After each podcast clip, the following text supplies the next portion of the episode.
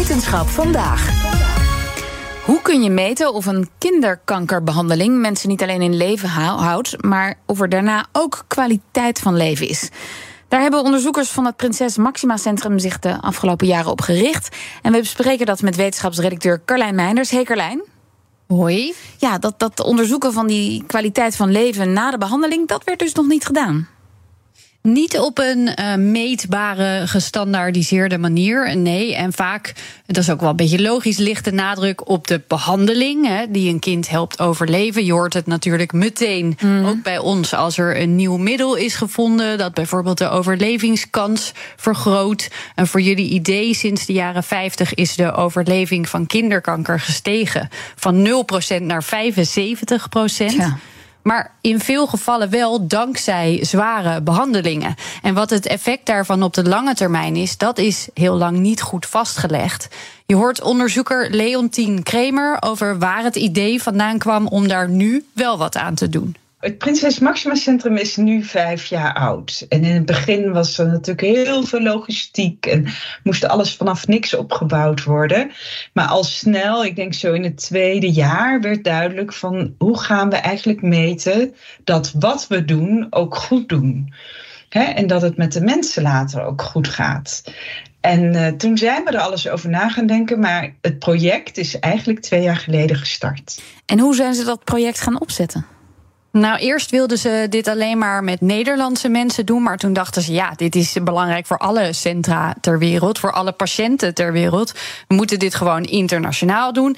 Maar stap 1 was samen met patiënten, met kinderen en volwassenen die kinderkanker hebben overleefd, bepalen wat is nou belangrijk voor die kwaliteit van leven. Wij dachten, nou dan gaan wij dat vragen aan mensen. Dus we hebben, dan hebben we focusgroepen georganiseerd en ook met kinderen.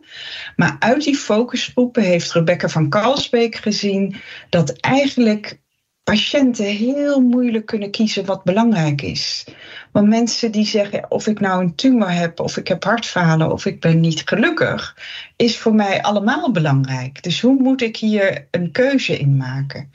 Dus wat we toen gedaan hebben met die focusgroepen, is dat we eigenlijk alle onderwerpen hebben verzameld en die meegenomen in de hele lange lijst waarmee we begonnen zijn. Maar de survivors, en dus de mensen die kanker gehad hebben, maar ook de ouders en kinderen hebben gezegd: laat ons niet kiezen. Want dat kunnen wij niet. Nee, nou, dat lijkt mij eerlijk gezegd ook niet te doen. Hoe hebben ze dat dan vervolgens opgelost? Uh, nou, hierdoor werd inderdaad dus wel duidelijk wat allemaal belangrijk is, maar nog niet wat het belangrijkst is. En daarvoor hebben ze de hulp van experts ingeroepen. Dus wat wij gedaan hebben, is toen gezegd: oké, dan gaan wij met die, al die internationale experts, psychologen, verpleegkundigen, kinderoncologen, kinderartsen en internisten, nadenken wat belangrijk is. Dus iedereen die verbonden is in die zorg van kinderkankerwereld, hebben we daarvoor benaderd. Hè. Daar hebben we echt representanten voor gezocht. En die hebben dus met elkaar in twee uitgebreide vragenlijsten eigenlijk een lijst opgesteld die relevant is. Want wat voor ons belangrijk was, was dat we niet met 400 uitkomsten zouden eindigen. Want dan krijg je echt, zoals we dat noemen, een idiote registratielast in de kliniek. En zijn we niet meer bezig met de zorg die we moeten leveren. Dus wij hadden van tevoren bedacht, het mogen niet meer dan 10 uitkomsten per kinderkankertype worden. En dit zijn er ook veel minder geworden, dus daar zijn we blij mee. En die lijst hebben wij nog eens voorgelegd aan de vertegenwoordigers van kinderen met kanker en mensen die kinderkanker gehad hebben.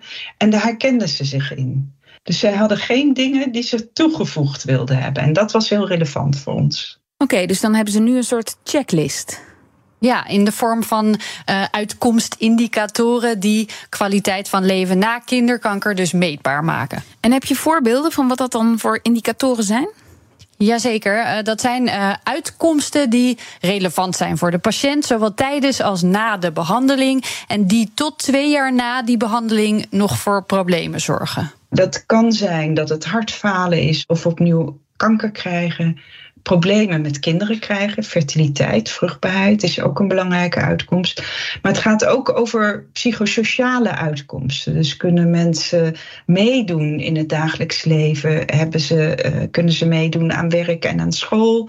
En uh, zijn ze moe, ja of nee? Dat soort dingen zijn ook belangrijk. En de laatste is overleving, dat meten we. Maar waar wij heel duidelijk naar willen kijken is de reden als mensen overlijden. En Carlijn, dus eigenlijk als ik dit zo hoor, dan kijken ze meer naar de lange termijn effecten van behandelingen. Ja, ja, en uh, dit registreren, daarmee zijn ze hier in Nederland al begonnen. Maar het zou natuurlijk nog mooier zijn als die evaluatie van zorg over de hele wereld gebeurt. En de eerste zaadjes voor die internationale samenwerking zijn al geplant.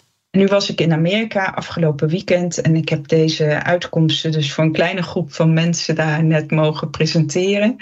En ik was onder de indruk, want er kwam iemand uit India, een kinderoncoloog, op me af. En zij zei, Leontien, dit is wat wij nodig hebben, want wij kunnen niet zoveel vastleggen.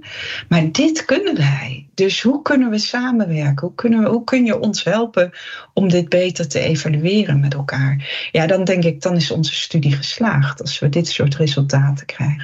Ja, dus een wereldwijde checklist voor de kwaliteit van leven na kinderkanker.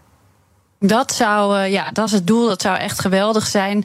Uh, ja, en daarmee dus zorgen dat die kwaliteit van leven ook wereldwijd steeds beter wordt. Dat is dan natuurlijk het uiteindelijke doel. Dankjewel, Carlijn Meijn. Business Booster. Hey ondernemer, KPN heeft nu Business Boosters. Deals die jouw bedrijf echt vooruit helpen. Zoals nu, zakelijk tv en internet, inclusief narrowcasting... de eerste 9 maanden voor maar 30 euro per maand. Beleef het EK samen met je klanten in de hoogste kwaliteit. Kijk op kpn.com slash businessbooster. Business Booster.